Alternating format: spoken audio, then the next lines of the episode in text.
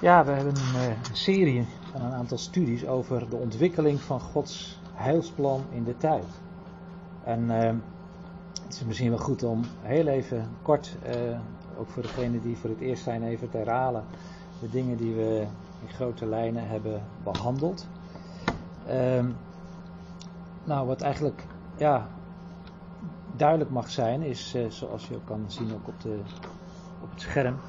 Uh, God werkt in de tijd. Hè? Gods plan, hè? wat hij heeft met, uh, met deze wereld en uiteindelijk met, ook met zijn volk Israël, hè? maar ook met de individuen, individuele mens. Uh, dat, dat werkt hij uit in de tijd. En je, we zullen ook vanavond zien dat dat ook verschillende fasen zijn in de tijd waarin dus de Heer zijn plan ten uitvoer brengt. Uh, een paar voorbeelden, bijvoorbeeld Daniel 9, vers 24, waar gesproken wordt over 70 weken die bepaald zijn, zegt Daniel, over u, of de engel eigenlijk tot Daniel, over uw volk en uw heilige stad. De overtreding te beëindigen, de zonde te verzegelen, de ongerechtigheid te verzoenen, een eeuwige gerechtigheid tot stand te brengen, om visioen en profeet te verzegelen en om de heiligheid van heiligheden te salven. Je ziet, 70 weken. Hè? Het is een fase uh, in Gods heilsplan, waarin hij uiteindelijk ook met zijn volk Israël tot zijn doel zal komen. Het gaat me nou even niet om de details, maar eigenlijk even om de grote lijnen van de tijd. Ook opmerkelijk als je ziet, ook in Galaten, hè, dat Paulus er ook op wijst dat, uh, dat de komst van de Heer Jezus uh, ja, niet zomaar willekeurig was, hè, het moment, maar uh, Paulus spreekt daar over de volheid des tijds. Op een zeker moment waarop uh, ja, die profetieën van zijn komst, het zijn er meer dan 300, uh, in vervulling gingen. En dat zijn komst daar was. We komen daar straks denk ik ook nog wel eventjes over te spreken. Uh, over het, het, verdere van deze tekst. Hè, maar de volheid van de tijd. Ook als je bijvoorbeeld uh, leest in Marcus 1, vers 15. Hè, daar zie je ook dat uh, de Heer Jezus uh, zegt dat het, de tijd is vervuld. De tijd is vervuld. Ehm, zagen we net al met betrekking tot de komst van de Heer Jezus. Maar mag duidelijk zijn dat zijn komst ook alles te maken had met de komst van het koninkrijk. Misschien dat we daar de volgende keer ook eens wat uitgebreider op in zullen gaan. De tijd is vervuld, het koninkrijk van God is nabijgekomen. Je ziet het als het ware in de tijd uh, zo de ontwikkelingen plaatsvinden. Uh, en op zeker moment uh, zegt de Heer Jezus ook in Johannes 17, vers 1: Vader, het uur is gekomen, verheerlijk uw zoon, opdat ook uw zoon u verheerlijkt. De tijd is nabijgekomen, ja, zelfs het uur nadert waarop uh, dat moment zou komen dat uh, de zoon uh, ja, de vader zou verheerlijken. En we weten dat die verheerlijking natuurlijk alles te maken heeft. Daar komen we straks ook nog over te spreken. Over eh, ja, de vervulling hè, van, van, van, van, van, van, de profetieën. De vervulling ook van de wet zullen we straks met elkaar gaan zien. Waarin dan ook de, de, de, de zoon de vader heeft verheerlijkt, maar natuurlijk ook weer de vader uh, de zoon heeft verheerlijkt door zijn opstanding uit, zijn, uit de dood en de heerlijkheid die hem uh, vervolgens uh, wachtte. Ehm, je ziet ook in de Bijbel dus ook verschillende tijdseenheden. Er wordt gesproken over uren, het uur is gekomen zagen we, dagen, weken, 70 weken. Overigens zijn die 70 weken feitelijk jaarweken, hè, periodes van 7 jaar, wat we net hebben gezien in Daniel 9. Maanden worden genoemd, jaren en ook eeuwen. Daar hebben we ook al eens bij stilgestaan. Het begrip eeuw in de Bijbel is niet uh, precies uh, 100 jaar, hè, zoals wij nou ja, hè, spreken over deze eeuw, hè, de 21ste eeuw. maar is het aion, het Griekse woord, wat eigenlijk voor een veel langere periode staat dan uh, eh, 100 jaar. Um, en dat woord aion bijvoorbeeld, hè, met die eeuw, uh, vinden we ook terug in uh, Matthäus 24 bijvoorbeeld. En daar zie je dat de Heer Jezus, of eigenlijk de discipelen vragen: wat is het teken van uw komst en de voleinding van de wereld? En uh, als je dat zo leest, dan heb je al gauw de indruk dat het hier gaat om ja, hè, het, het, het, het, einde van, van hè, het, totale wereldgebeuren. Hè. Maar het gaat hier om het woord aion. Hè, niet kosmos, maar aion. En dat wil feitelijk zoveel zeggen dat er straks hè, dat er een einde komt aan deze aion. Deze periode. En dan komen we dus in een volgende aion, een volgende fase. En dan denk ik met name aan, het, aan het Messiaanse Rijk. Het Rijk van Christus straks, dat Christus straks bij zijn wederkomst op aarde zal, uh, zal vestigen. Um, en natuurlijk ook bijvoorbeeld die prachtige woorden van de Heer Jezus. Ik ben met u al de dagen tot aan de voleinding van de wereld. Daar is het ook weer tot het einde van deze aion, die dus straks gevolgd zal worden dus door een nieuwe fase, een nieuwe aion. Het gaat hier dus niet in Matthäus 24 zoals vaak wordt gedacht hè, aan, aan, uh, dat de, dat, aan het vergaan van de wereld. Hè, maar het gaat hier dus om, om een periode die ten einde loopt. Hè, de voleinding van de Aion. Nou, waar we vooral uh, op, uh, op willen focussen, zijn de sleutelpersonen in Gods heilsplan. En eigenlijk als je deze personen die hier staan uh, zo bestudeert, dan, dan, dan zie je hè, dat zij leefden in een bepaalde periode. Waarin zij ook, ja, je zou kunnen zeggen, een bepaald rentmeesterschap hè, van God uh, waren toegekend.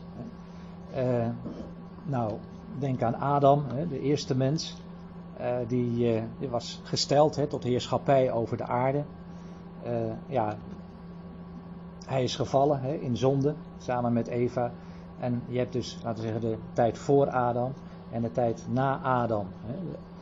Waarin dus na zijn val, of beter gezegd na de val van Adam, waarin dan ja, ook niet alleen de dood zijn intrede deed bij de mens, maar feitelijk ook uh, eigenlijk de hele schepping aan de vruchteloosheid was onder, is onderworpen. in, in Romeinen 8 kun je dat lezen.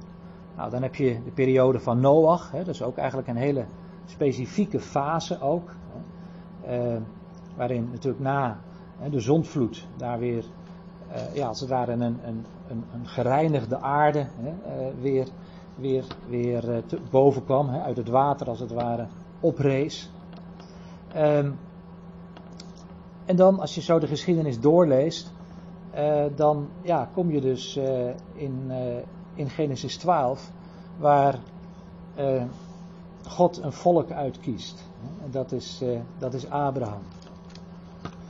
De mens die eigenlijk elke keer weer opnieuw faalt. Denk aan, aan natuurlijk de, de, de, de zondvloed.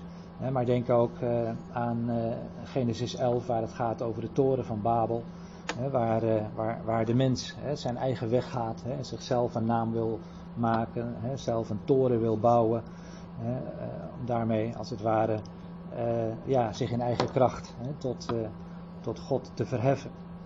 Um, en dan dus ja, zie je dat, dat een nieuwe fase komt. De, de volkeren spelen daarin nog wel een rol, maar ja, eigenlijk niet, maar indirect. Het gaat dan vanaf Genesis 12 echt om Abraham en zijn nageslacht. En we weten dat zijn nageslacht is. Hè, Abraham, Isaac en Jacob. Hè, en daaruit die twaalf stammen van Israël uh, zijn, uh, zijn voortgekomen. En dan komen we bij de periode van Mozes. Hè, niet alleen met betrekking tot de uittocht uit Egypte, waar dat volk dan uh, terecht komt. En waar de Heer dan op hele wonderlijke wijze dat volk ook verlost. en de oordelen uh, ook, uh, ook, over Egypte doet komen, hè, over Farao en de zijnen. Um, eigenlijk het bijzondere ook van, van Mozes is natuurlijk de wetgeving. Hè. En in de wetgeving ja, is feitelijk God dus een, een verbond aangegaan met zijn volk Israël.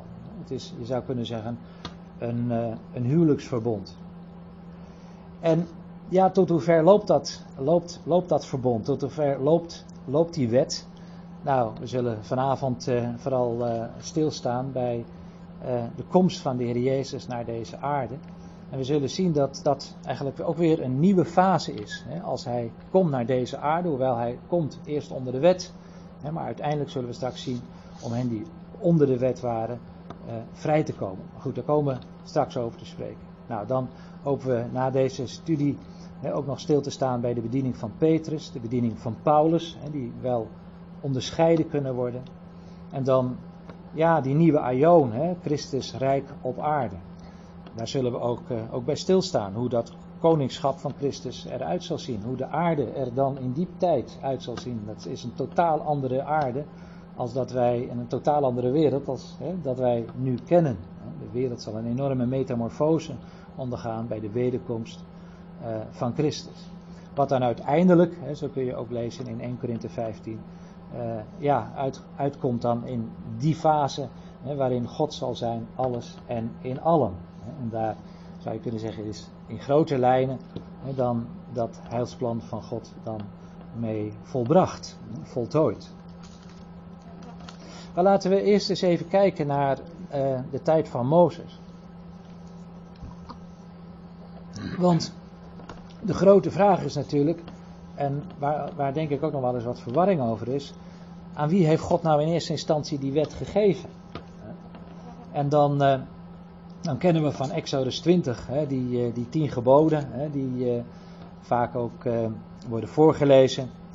Um, maar als je dat leest in zijn verband, en dat is natuurlijk eigenlijk kenmerk van Bijbelstudie, dat je probeert de dingen in hun context uh, te zien, ehm, dan, dan, dan zul je ontdekken dat de Heer deze geboden in de eerste plaats eigenlijk, zou kunnen zeggen, ook exclusief tot Israël gesproken heeft. Exodus 20, waar we dan die, die tien woorden vinden, begint dus met te zeggen: Ik ben de Heer uw God, die u uit het land Egypte uit het slavenhuis geleid heeft. Dan kunnen we dat natuurlijk zonder meer ook uh, geestelijk toepassen. En we kunnen natuurlijk zeggen van ja, de Heer heeft ook, ook ons uit Egypte verlost. Hè. En dat, dat is natuurlijk zeker waar. Hè. Ook wij waren gebonden. Hè. Dan kun je Farao zien als een, uh, als een type hè, van, van Satan. En, en ja, zijn heerschappij hoe, uh, hoe we daaruit zijn verlost. Ik meen dat Bas het al in zijn openingsgebed ook al even noemde. We zijn overgezet in het koninkrijk van de zoon zijn liefde. We zijn verlost uit de macht der duisternis.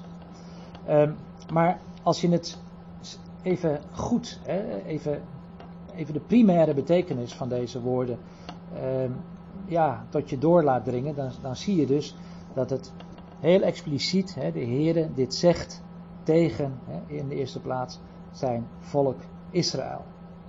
Dat is feitelijk ook wat we ook lezen in, uh, in eh, Psalm 147, uh, die laatste verse daarvan, waar we lezen, hij maakte Jacob zijn woorden bekend, Israël zijn verordeningen en zijn bepalingen, en zo heeft hij voor geen enkel ander volk gedaan, die kennen zijn bepalingen niet. Halleluja. Loof de Heer. Denk, bedenk dat, dat God aan Israël de wet gegeven heeft, zijn verordeningen, zijn bepalingen, om natuurlijk dat volk ook tot een getuige te laten zijn. Uh, Israël heeft het voorrecht, zoals er staat bijvoorbeeld in Romeinen 3, vers 2, dat hun de woorden God zijn toevertrouwd. En zij hebben God mogen leren kennen vanuit het woord. Uh, als je kijkt naar de heidenen, in Romeinen 1 kom je dat vooral tegen, zij kunnen God kennen vanuit de schepping. De schepping die verwijst naar de schepper. Um, maar de volkeren hadden al zodanig niet dat woord van God tot hun beschikking. Dat was wat God exclusief aan zijn volk Israël heeft gegeven. Um, is trouwens opmerkelijk als we even teruggaan naar de tien woorden of de tien geboden, hè, zoals we die onder andere in Exodus 20 tegenkomen, dan, um, dan kun je eigenlijk zien dat al die geboden wel herhaald worden, indirect of direct, in het in de nieuwtestamentische onderwijs. Uh, alleen het opmerkelijke is dat er eigenlijk één uh, onderdeel van die tien geboden niet wordt herhaald. En dat is het vieren van de Sabbat.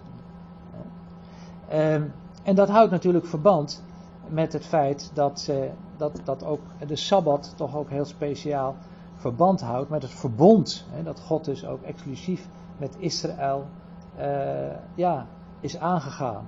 Dat is het teken uh, van het verbond, zoals de Heer ook zegt. Hij zal tussen mij, hè, deze Sabbat, en de Israëlieten voor eeuwig een teken zijn. Um, ja, als we het hebben over de wet, en het is wel goed om daar ook nog even verder wat, nog wat bij stil te staan. Um, dan is natuurlijk ook de vraag van als je de wet zou willen houden, en bedenk dan als je de wet, uh, als je over de wet spreekt, of als, als, als met name over de wet van Mozes, uh, ja, dan hebben we het natuurlijk niet slechts over die tien geboden, hè, die ons wel bekend zijn, maar reikt dat natuurlijk veel verder. Hè. Eh, er zijn maar liefst 613 geboden en verboden die de wet telt, dus dat zijn er heel wat. Daarbij komt dat, uh, dat ook ja, het centrum van de wet was natuurlijk de tempeldienst, de offerdienst. Heel veel, heel veel in die wet heeft betrekking hè, op, op de tempel, hè, op de tempeldienst, op het, uh, ja, het brengen van, van allerlei verschillende offers aan God. Hè, brandoffers, schuldoffers, zondoffers enzovoort enzovoort. En uh, dat blijkt ook wel uit Leviticus 17, vers 11, eh, waarin de Heer dan zegt dat hij ja, het bloed heeft gegeven. Het bloed is in het vlees en ik heb u dat op het altaar gegeven om voor uw leven verzoening te doen. Want hè, het is het bloed dat door middel van het leven verzoening bewerkt. Bloed staat voor leven. Als er ergens eh, iemand aan de kant van de weg ligt, die is aangereden, en je ziet een grote plas bloed, dan uh, ja, wekt dat uh, ja, schrik op. Hè, terecht, want ja, dan weet je als het ware dat het leven hè, er, eruit dreigt uh, te trekken. Hè. Leven aan bloed. En God heeft dat leven in dat bloed gegeven om voor u verzoening te doen. Maar het mag duidelijk zijn dat de Heer in Leviticus 17 heel duidelijk spreekt over die tempeldienst. Waar dus de offeraar met, zijn, ja, met, met, met dat dier wat hij offerde, uh, ja, dat bloed deed dan uh, bewerkte de verzoening. Um, ja, dus ook even de vraag: kunnen wij eh, de wet, zoals die aan Mozes gegeven is, in acht nemen? Nou ja, Jacobus zegt, want wie de hele wet in acht neemt, maar op één punt struikelt, die is schuldig geboden, geworden aan alle geboden. Nou, je zie je eigenlijk al dat als je de wet wil onderhouden van Mozes, ja, dan zul je ook inderdaad al die geboden moeten onderhouden. En zoals we eigenlijk net gezien hebben, is dat uh, in feite dus niet meer, niet meer mogelijk. Gezien alleen al het feit hè, dat de tempeldienst er niet meer is. Hè, en uh, ja, het tweede hè, wat ik hier noem is dat, uh, dat er ook geen theocratie meer is. God uh, heeft Israël uitverkoren om daar zelf zijn, zijn heerschappij over ten uitvoer te brengen. God is als de koning van Israël, vandaar ook een theocratie, een godsregering. En het mooie is dat, uh, dat als dan op zeker moment hè, dat volk ook om een koning vraagt, hè, dan, dan ja, zegt de Heer, ja, in feite hè, tegen Samuel niet, niet, ze hebben niet u verworpen, maar ze hebben eigenlijk mij verworpen dat ik koning over hen zou worden. En dan toch zien we dus dat koningschap wel komen. Eerst het koningschap van Saul, dan van David en dan van Salomon. Je kent de geschiedenis, hè, dan, dan gaan langzamerhand, of dan gaat hè, door de zonde van, uh, van uh, Salomo, valt dat rijk uiteen hè, een twee- en een stammenrijk. Maar ook in de periode hè, van de koningen uh, lezen wij in Deuteronomium 17, is eigenlijk heel opmerkelijk. Hè? Dus eigenlijk nog voordat hè, het volk vraagt om een koning, hè, eigenlijk de volkeren gelijk wilden zijn, want ja, al die andere volken hadden ook een koning en dat, dat wilde Israël eigenlijk ook wel. Iets zichtbaars, een zichtbare koning met alle praal en pracht enzovoort enzovoort.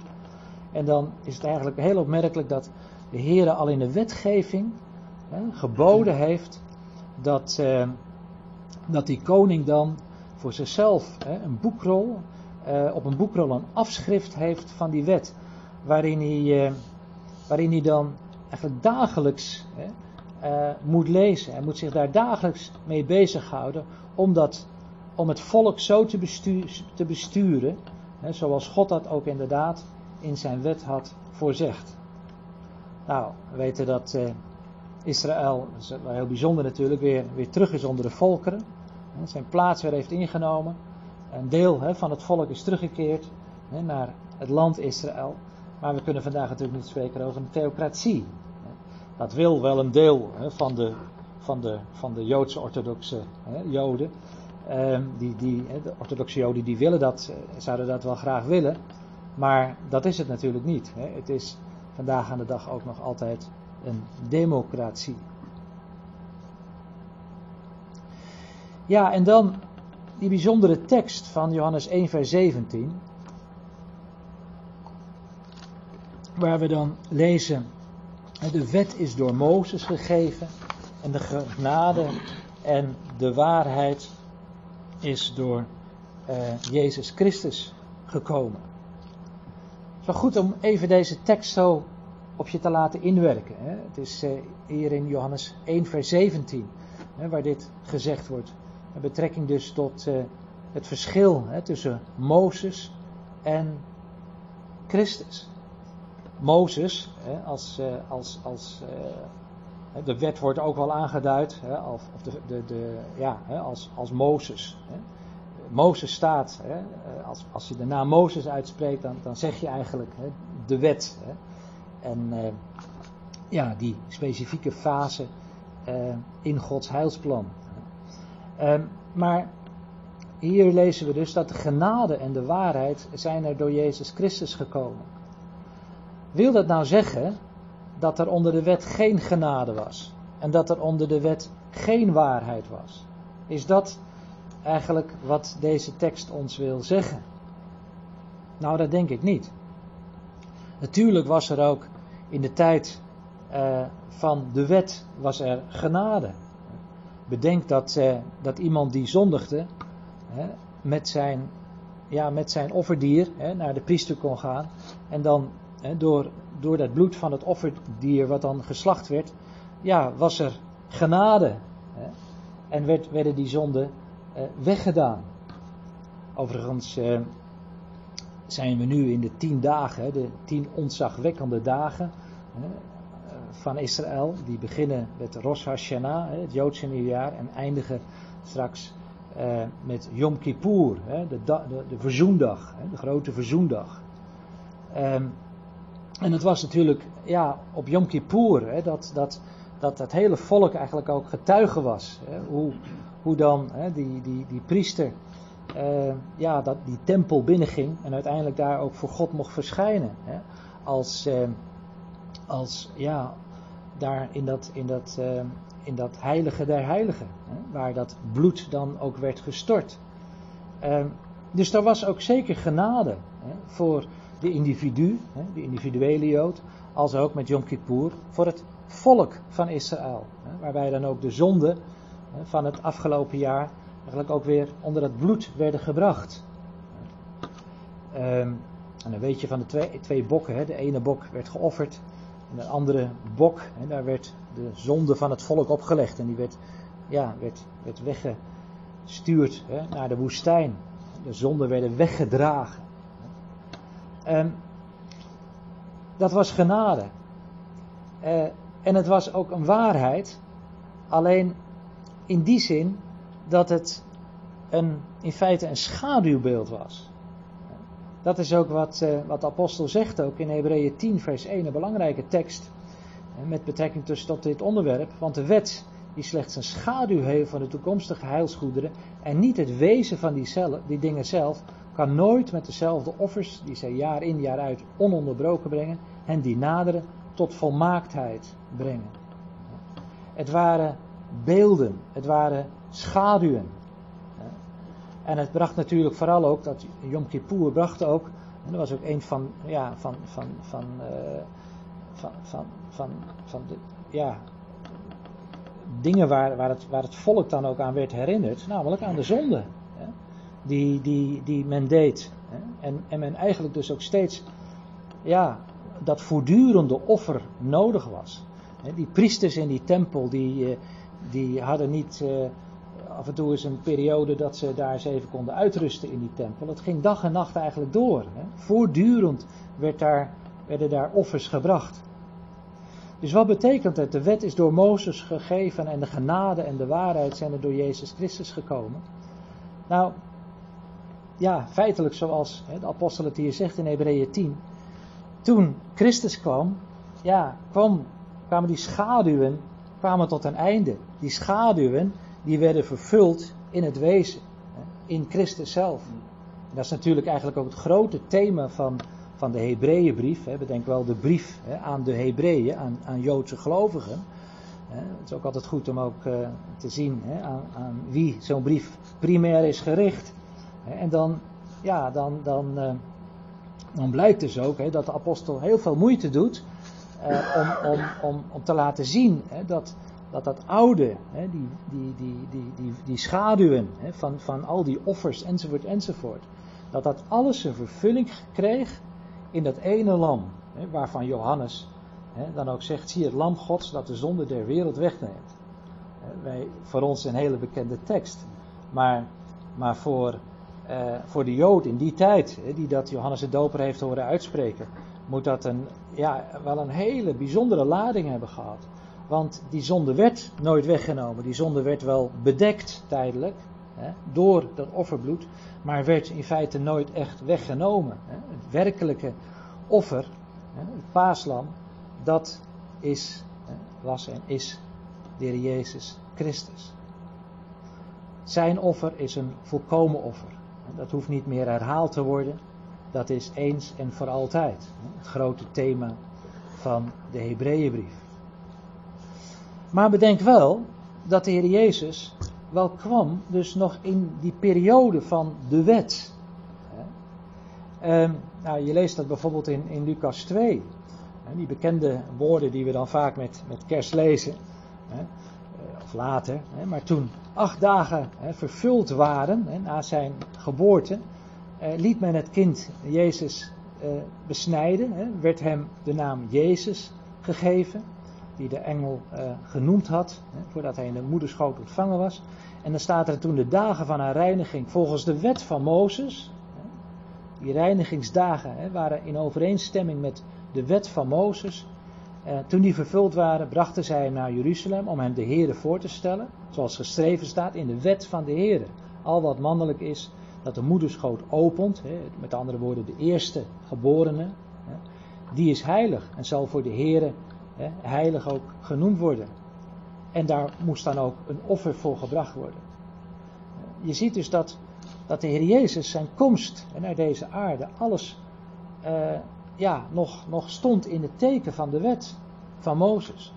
En exact overeenkomstig de wet van Mozes moesten al deze dingen al vanaf zijn geboorte af aan moesten worden vervuld. Uh, maar wat was het doel van Jezus' komst? Was zijn doel, ja, in feite alleen maar om die wet uh, ja, uh, te gehoorzamen? Ja, dat was een doel. Maar het uiteindelijke doel was om die wet ja, te volbrengen, zodat dus het volk hè, en onder die wet vandaan zou, zou komen. Lees maar eens wat er staat in Galaten 4, vers 4 tot 7. Je mag het ook opzoeken in, uh, in je Bijbel. Ik heb vrij veel teksten, dus uh, als je dat misschien af en toe ook eens even in je Bijbel wil naslaan, dan is dat uh, zeker ook niet verkeerd. En waar Paulus dan zegt. Wij komen straks nog even in Galaten, dus laten we dat allemaal vast opzoeken.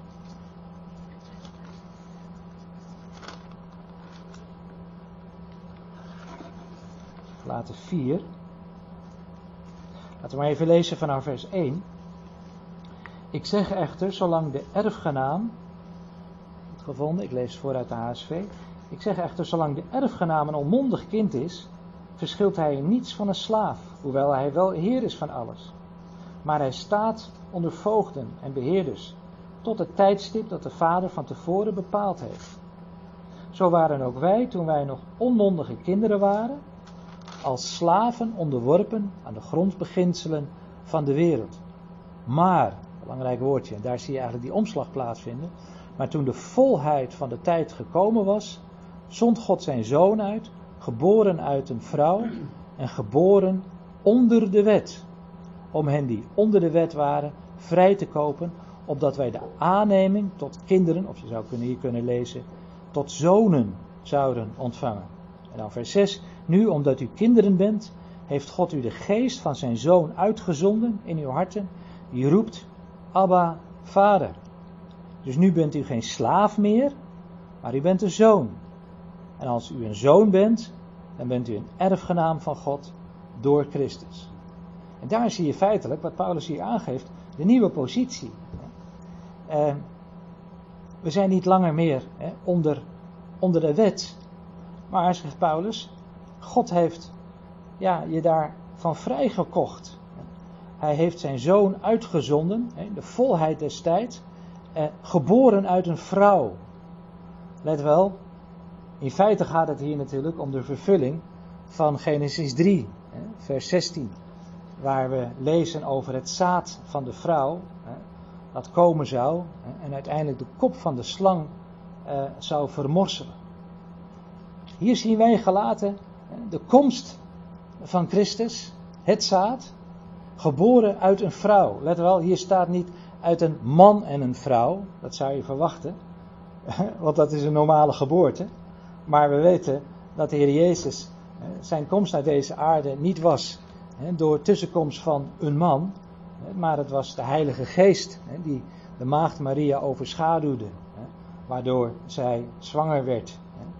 En ja, het kind mocht voortbrengen, waarover hier gesproken werd. Eh, geboren onder de wet, om hen die onder de wet waren vrij te kopen, kopen, opdat wij de aanneming van kinderen zouden ontvangen. En hier gaat het dan met name eigenlijk ook over het zoonschap.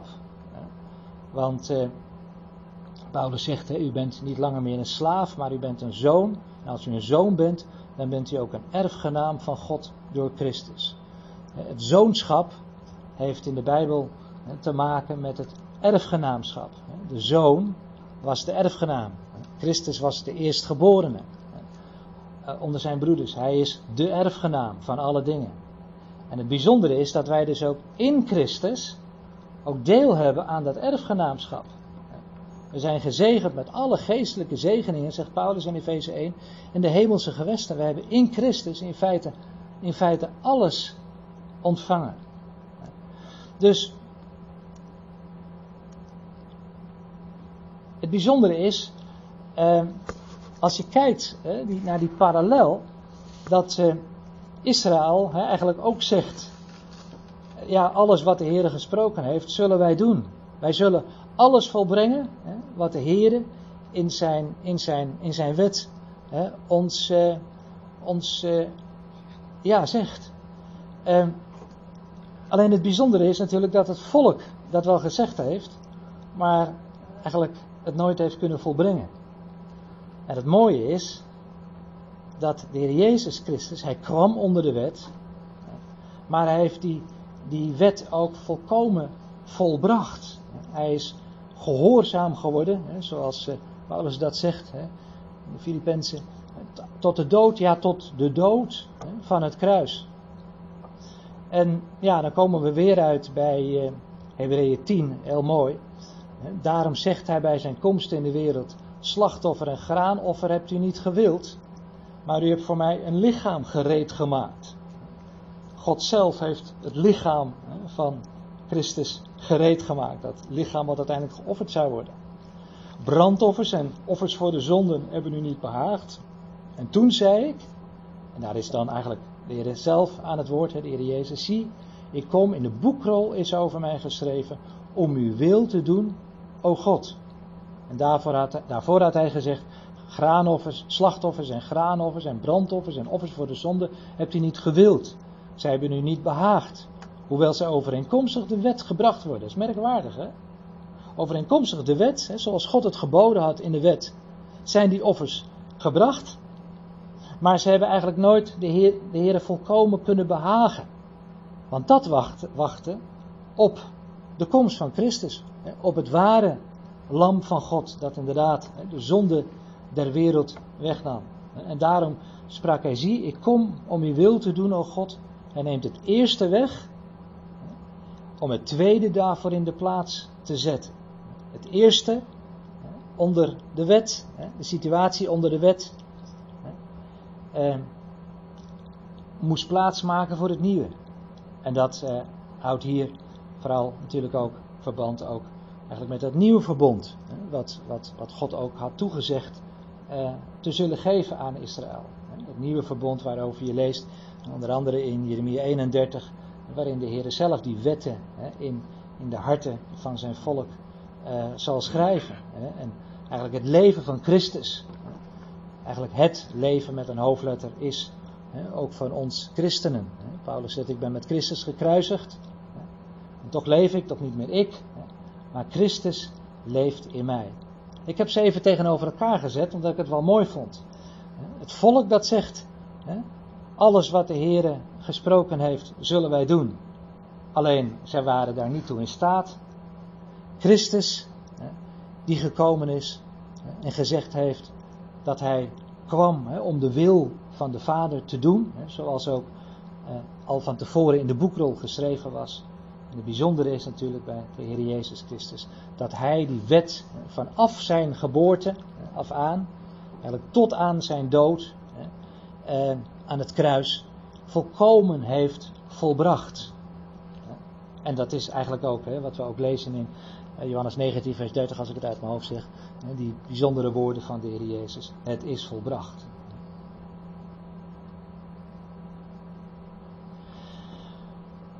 Dus Christus kwam niet alleen onder de wet, maar heeft die wet ook vervuld.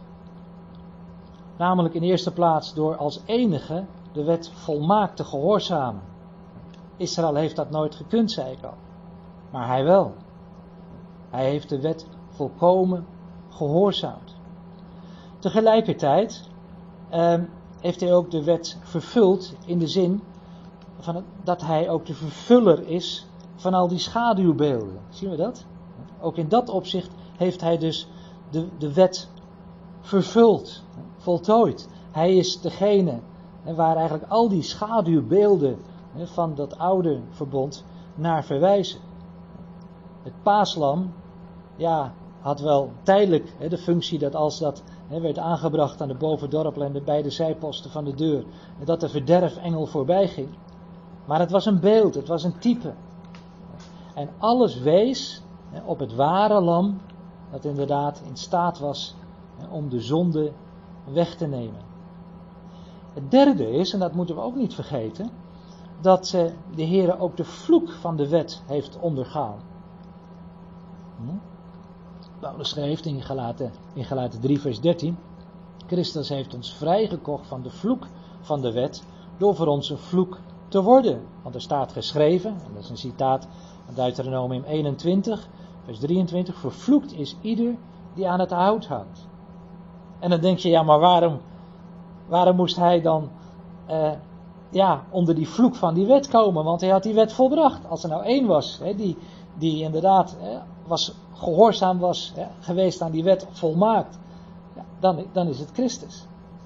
Maar eigenlijk het bijzondere is hè, dat we op het kruis van Golgotha ook een ander aspect zien, namelijk dat hij tot zonde is gemaakt, zegt Paulus in 2 Korinthe 5 vers 21. En die geen zonde gekend heeft, heeft hij voor ons tot zonde gemaakt, opdat wij zouden worden gerechtigheid van God in hem. En al zodanig heeft hij dus in onze plaats eigenlijk die vloek eh, op zich genomen. Heeft hij daar gedragen. Die toren van God, eh, die is over hem heen gekomen. En als zodanig is ook dat eigenlijk een onderdeel van, van die vervulling van de wet. Is dat duidelijk of roept dit vragen op? Ja, ik, ik zat er ook gelijk over te denken, waarom moest Christus het keuze ook van de fariseeën om uh, Christus te veroordelen. Ja. Tegelijk is het ook uh, de keuze van de vader. Ja. Ja. het is ook uh, fariseeën en Pilatus hebben natuurlijk ook een aandeel. Ja, ja, ja. Nee, zo- zonder enige twijfel. Hè. Je ziet eigenlijk eh, steeds hè, die, die menselijke kant en die goddelijke kant. Hè. We kunnen wel even naar handelingen toe gaan. Naar handelingen 3, daar, daar zie je eigenlijk die, hoe Petrus daar die beide eh bijeenbrengt.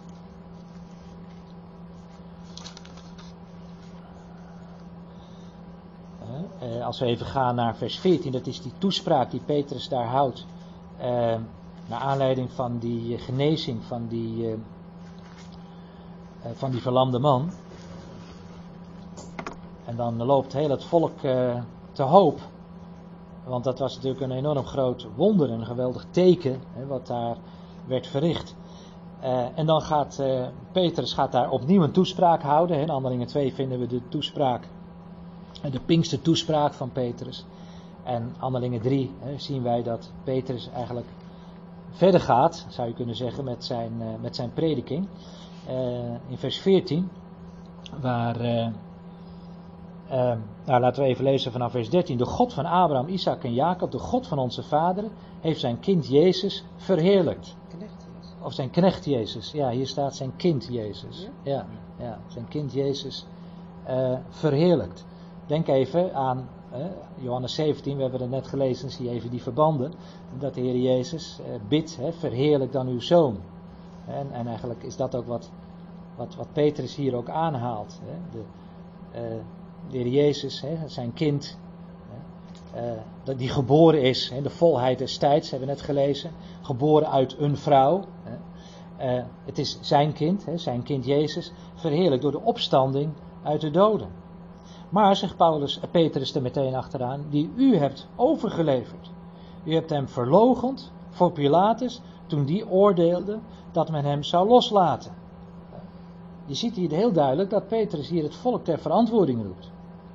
U echter, hoewel hij had kunnen vrijgelaten worden, hè, als, als, als Pilatus eh, ja, besluit, hè, of besluit, eh, besluit ja, mogelijkheid hè, om hem vrij te laten, hadden aangegrepen.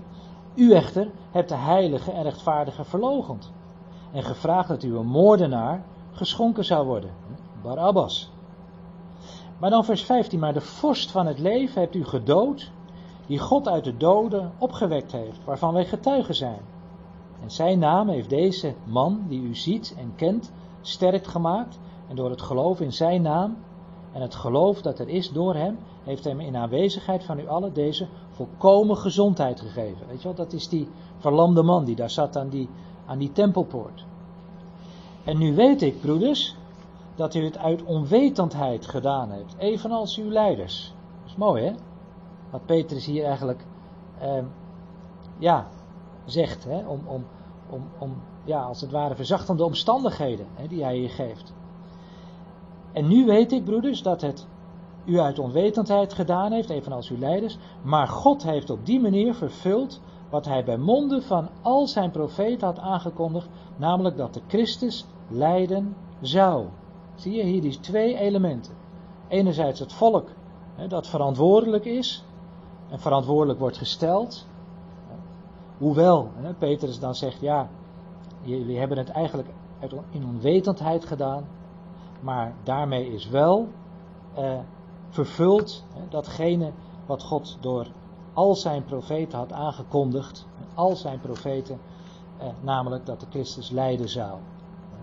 Lijden, sterven en Petrus die dan ook, zo zagen we net ook, spreekt over zijn verheerlijking als gevolg van zijn opstanding. Belangrijk is om deze twee elementen te zien. Er is een goddelijke kant en er is een menselijke kant aan deze zaak.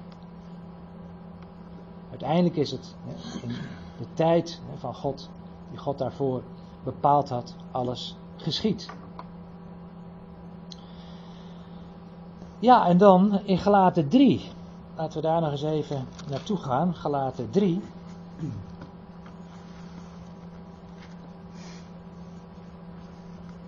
Laten we maar even lezen vanaf vers 19.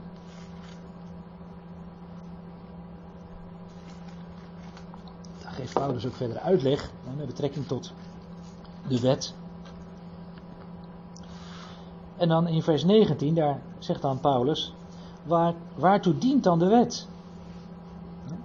Belangrijke vraag ook voor ons nu. Waar, waartoe dient nu de wet?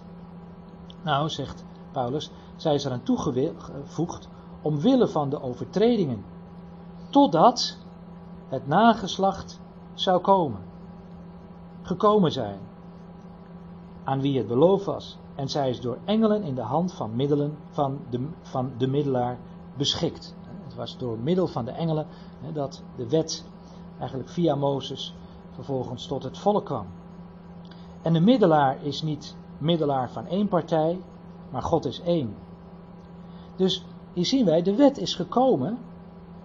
Ja, en wat heeft die wet eigenlijk tot gevolg gehad? Nou, dat zien we eigenlijk steeds ook in, in het leven, hè, of in, in de geschiedenis van Israël.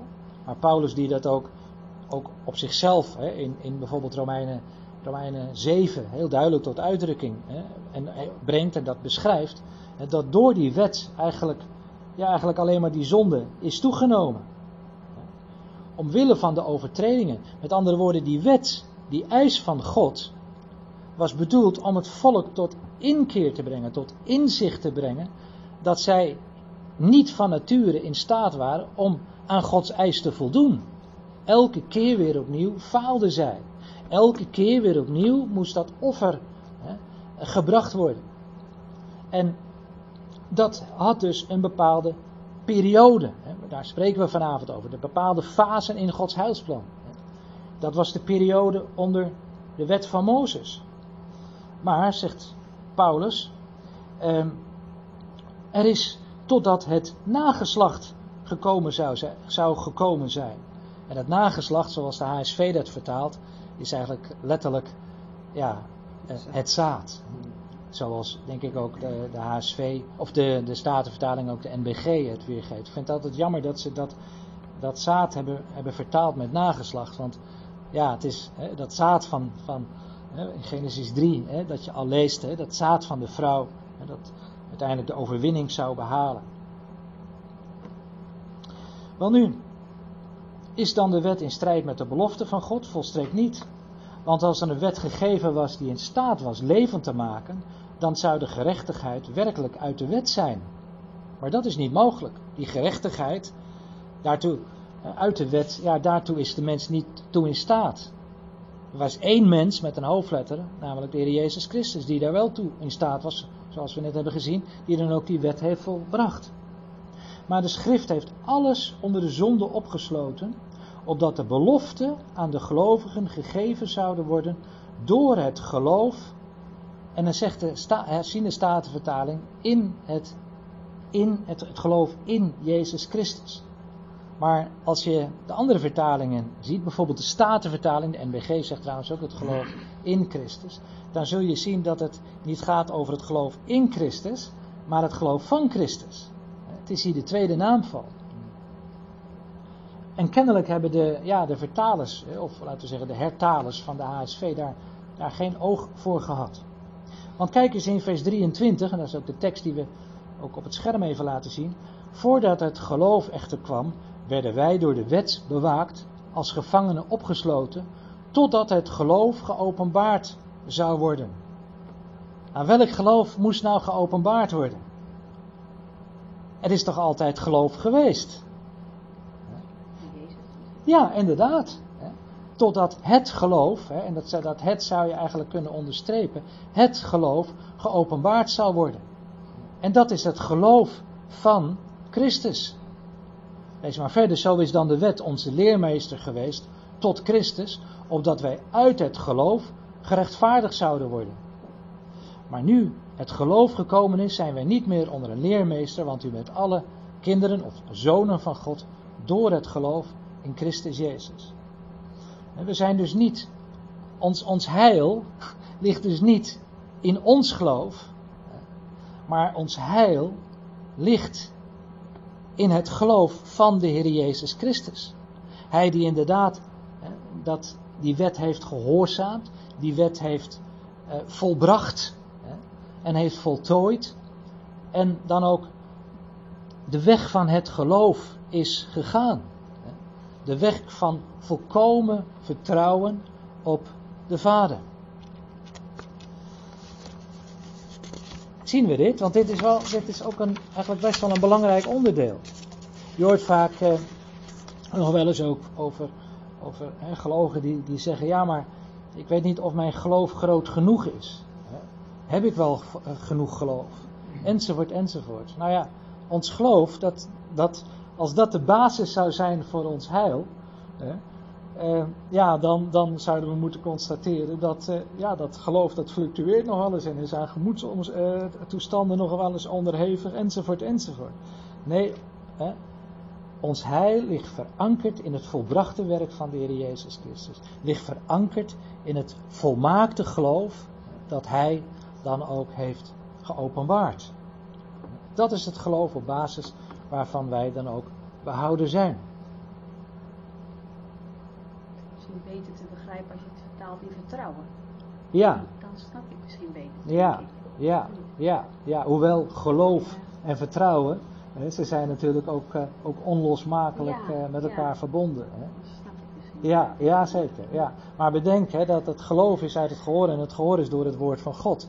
De Heer Jezus, die ook inderdaad dat woord heeft vervuld. Die, die, die, ja, eigenlijk ook die weg hè, van dat woord hè, is gegaan. En, en ja, eigenlijk zelf ook het woord is. Dus inderdaad, geloof, maar ja, daarin ligt eigenlijk onlosmakelijk op opgesloten ehm, het, ehm, ja, de gehoorzaamheid. En dat lezen we natuurlijk ook in Hebreeën 5, heb ik er ook maar even bij uh, genomen. Hebreeën 5, hoewel hij de zoon was, hè, ehm, ja, heeft hij toch gehoorzaamheid geleerd uit wat hij heeft geleden.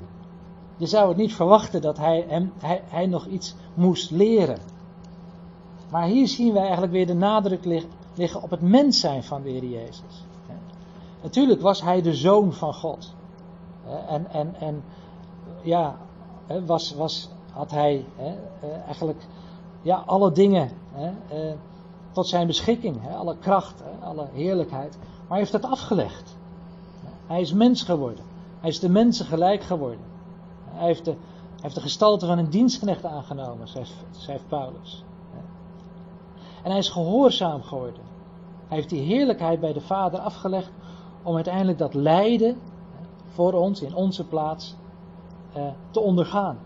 En hij heeft dat gedaan in gehoorzaamheid. Het is voor stap voor stap hè, dat de Heer die weg in het geloof, in gehoorzaamheid is gegaan. En dan staat er toen en toen hij volmaakt was geworden, dat, wel, is het woordje teleio, dat we feitelijk zeggen toen hij het heeft had volbracht, toen hij het had voltooid, is hij voor allen die hem gehoorzamen een oorzaak voor eeuwige zaligheid geworden. Maar daarvan moest hij eerst zelf wel die weg van gehoorzaamheid en die weg van, die geloof, van dat geloof gaan. En daardoor is hij een, ja, de oorzaak geworden van ook onze zaligheid. En dat is eigenlijk ook wat Paulus ook schrijft in Romeinen 5, vers 19. Want zoals door de ongehoorzaamheid van de ene mens velen als zondaars aangemerkt worden, de eerste mens, Adam, zo zullen ook door de gehoorzaamheid van die ene velen als rechtvaardigen aangemerkt worden. Het is op basis van zijn gehoorzaamheid.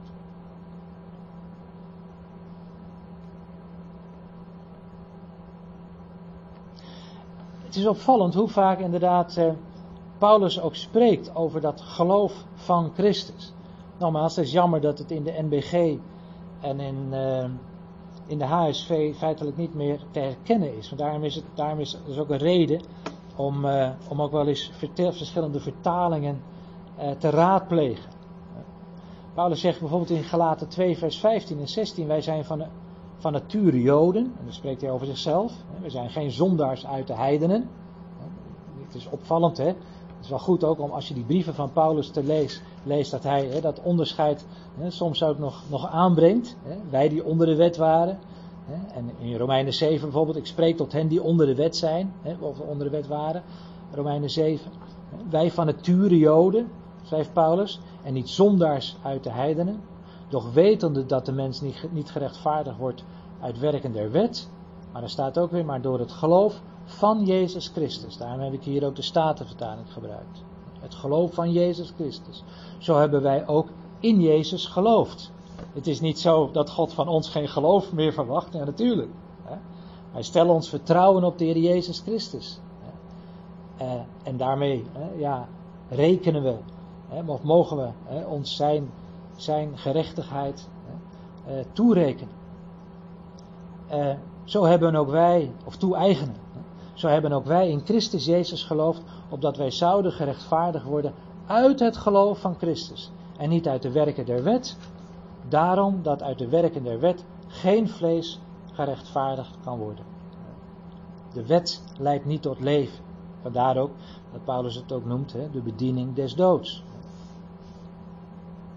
Het geloof van Christus. Het geloof van Christus dat dus kwam op zeker moment bij zijn komst, bij zijn dienst op aarde natuurlijk, is dat geloof van Christus geopenbaard geworden. Het geloof. Zie je?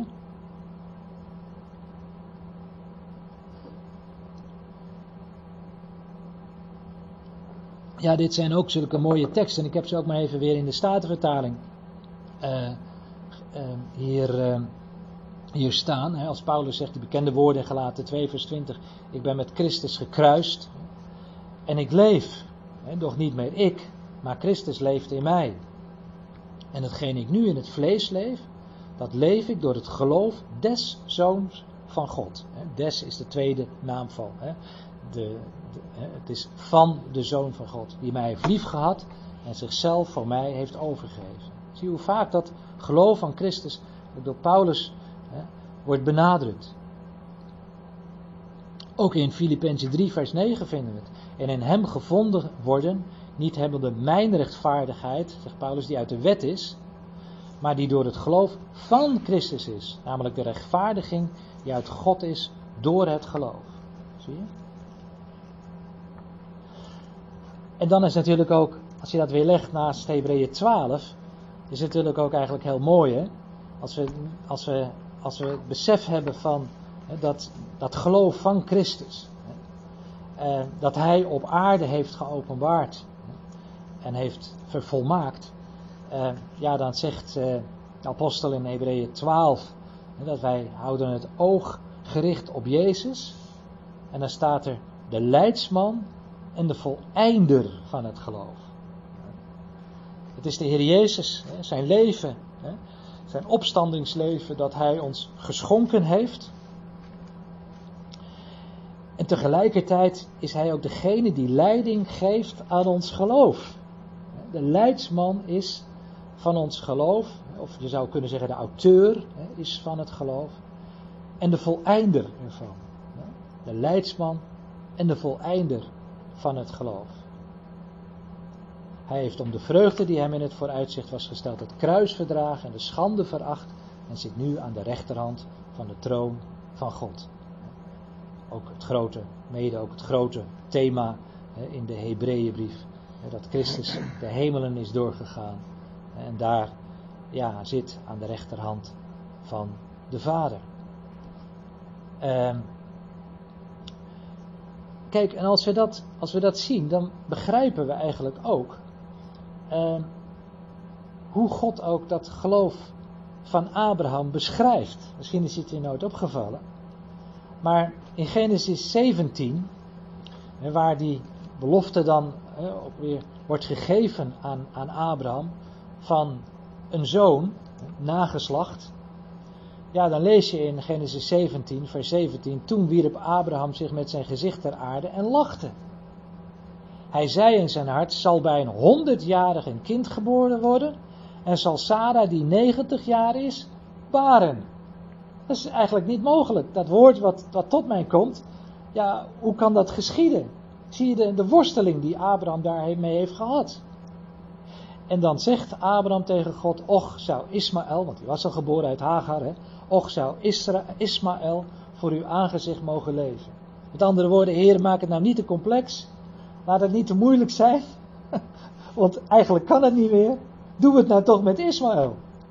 En misschien herken je dat ook wel in je eigen leven. Hè? Dat, je, dat je ja, soms dingen eigenlijk, eigenlijk niet uitkomt. Hè? En, en, en je afvraagt waarom gaat God nou deze weg met in mijn leven? Een moeilijke weg. En een moeizame weg. En dan is het toch zo mooi dat uh, uiteindelijk, uh, ja, Abraham hè, die, die belofte natuurlijk in vervulling ziet gaan. Maar ik vind het zo mooi dat er in Romeinen 4 staat, met betrekking tot Abraham, daar wordt voornamelijk ook over het geloof van Abraham uh, gesproken, dat, en niet verzwakt in het geloof, heeft hij er niet op gelet dat zijn eigen lichaam reeds verstorven was. Hij was ongeveer 100 jaar oud en dat ook de moederschoot van Sarah verstorven was. Hij zou dat niet opgemerkt hebben. Hij zou daar geen aandacht aan gegeven hebben. Nou, zou je zeggen, maar dat is wel in tegenspraak tot datgene wat we zojuist hebben gelezen in Genesis 17. Wonderlijk dat de Heer dat geloof van Abraham toch anders beschrijft, als dat het, laten we zeggen, ons eh, wordt beschreven in Genesis 17. En waar heeft dat nou mee te maken? Nou, dat heeft ermee te maken met de tekst die we zojuist lazen in, in uh, Hebreeën 12, dat God niet alleen de leidsman, maar hij ook de voleinder is van dat geloof. Hij heeft als het ware ook dat geloof van Abraham, heeft hij, heeft hij voleindigd. En daarom kan er ook gezegd worden in, in Romeinen 4, en hij heeft aan de belofte van God niet getwijfeld door ongeloof, maar werd gesterkt in het geloof terwijl hij God de eer gaf.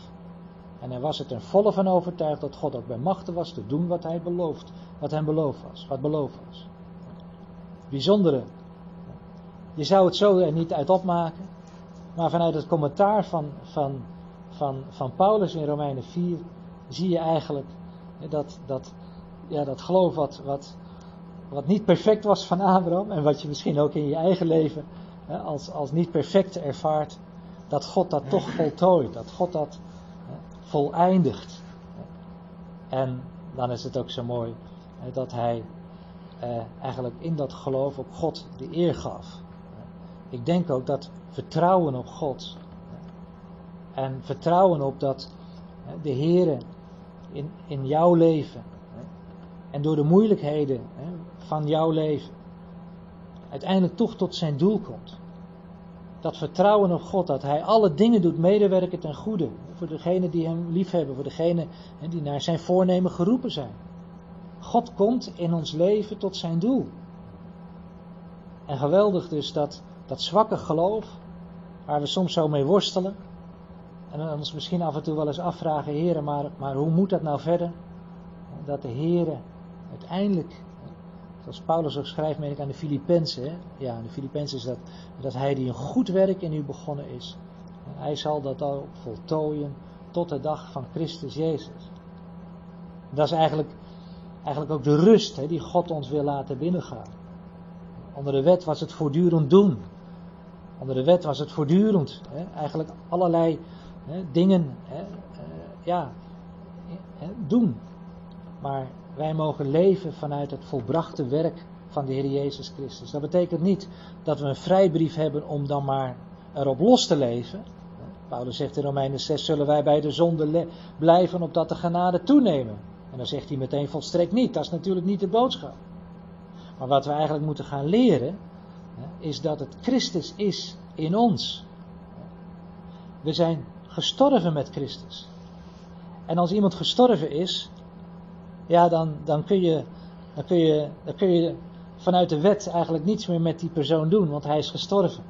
Ja, de wet is niet van toepassing op iemand die gestorven is. Dat, daarmee is dat ten einde. Daar kun je niets van verwachten. En zo ver gaat het eigenlijk. Hè, dat God zegt, we zijn met Christus gestorven. En toch leef ik, maar niet meer ik leef, maar Christus leeft in mij. En dan mogen we leven door het geloof, zoals we net gezien, ook van de Heer Jezus Christus. Dat geloof dat Hij in ons uitwerkt. Maar goed om ook nog heel even naar deze tekst te kijken. Dat de Heer Jezus zegt, Denk niet dat ik gekomen ben om de wet of de profeten af te schaffen. Ik ben niet gekomen om die af te schaffen, maar die te vervullen. Want voorwaar, ik zeg u, totdat de hemel en de aarde voorbij gaan, zal er niet één jota of titel van de wet voorbij gaan, totdat het alles is geschied, totdat het alles is voltooid. De Heer Jezus is niet gekomen om de wet af te schaffen. Dat was niet zijn eerste doel. Dat wordt vanuit, we hebben natuurlijk veel contact met, met, met Joodse mensen en dan wordt vaak gezegd, ja maar hoe kan het dan dat, dat, dat Jezus hè, die, die wet terzijde heeft gesteld? Nou, uit alles blijkt dat hij die wet helemaal niet terzijde heeft gesteld.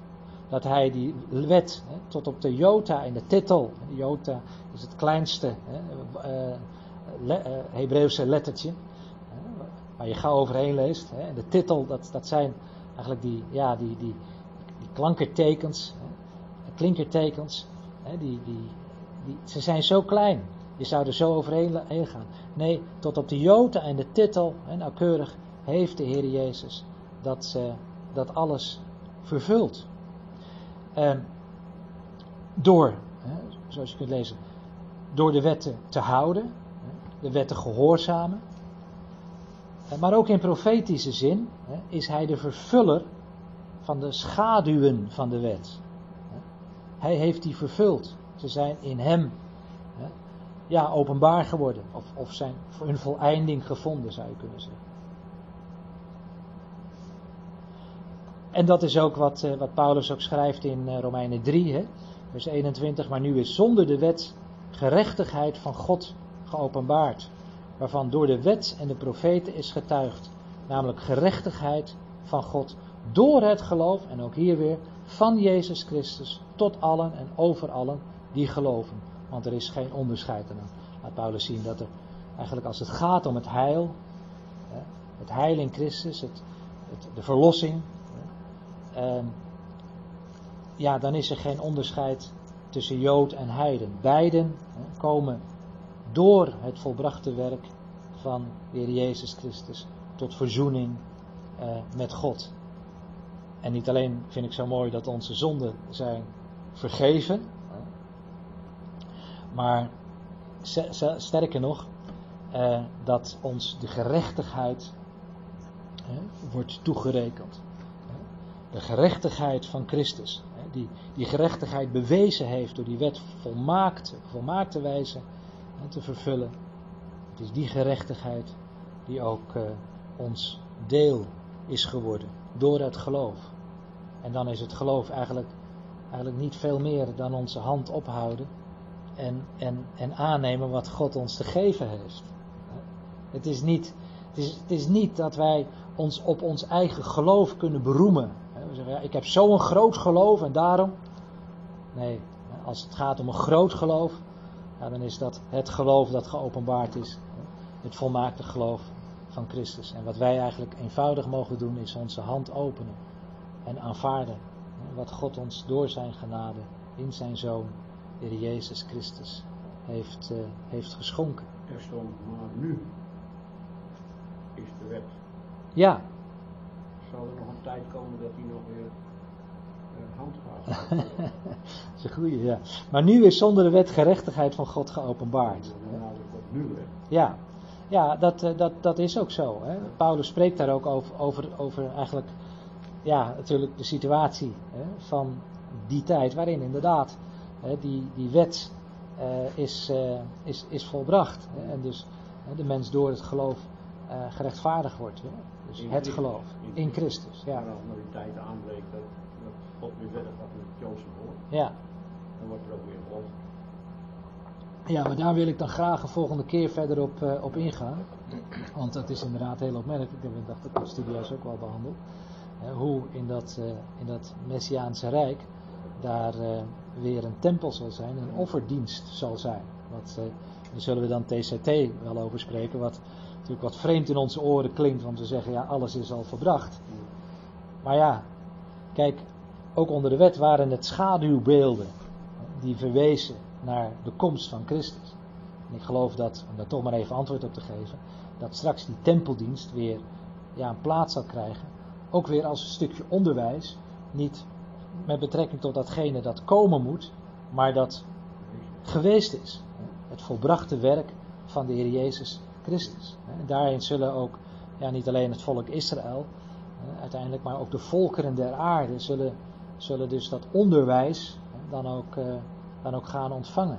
Maar dus weer opnieuw als schaduwbeelden van hetgeen dat reeds is volbracht. Zoals in feite, als wij eh, eh, ja, de, de, tekenen van brood en wijn aan elkaar doorgeven. ja, die tekenen van brood en wijn kijken niet vooruit, hoewel tot op zekere hoogte nog wel. want er staat natuurlijk dat zo verkondigt gij de dood des Heren totdat hij komt. Dat vind ik altijd wel heel mooi, zoals dat daar staat. Het is ook de verwachting van de komst van de Heer Jezus Christus. Ehm, maar het ziet natuurlijk terug op, eh, op zijn volbrachte werk.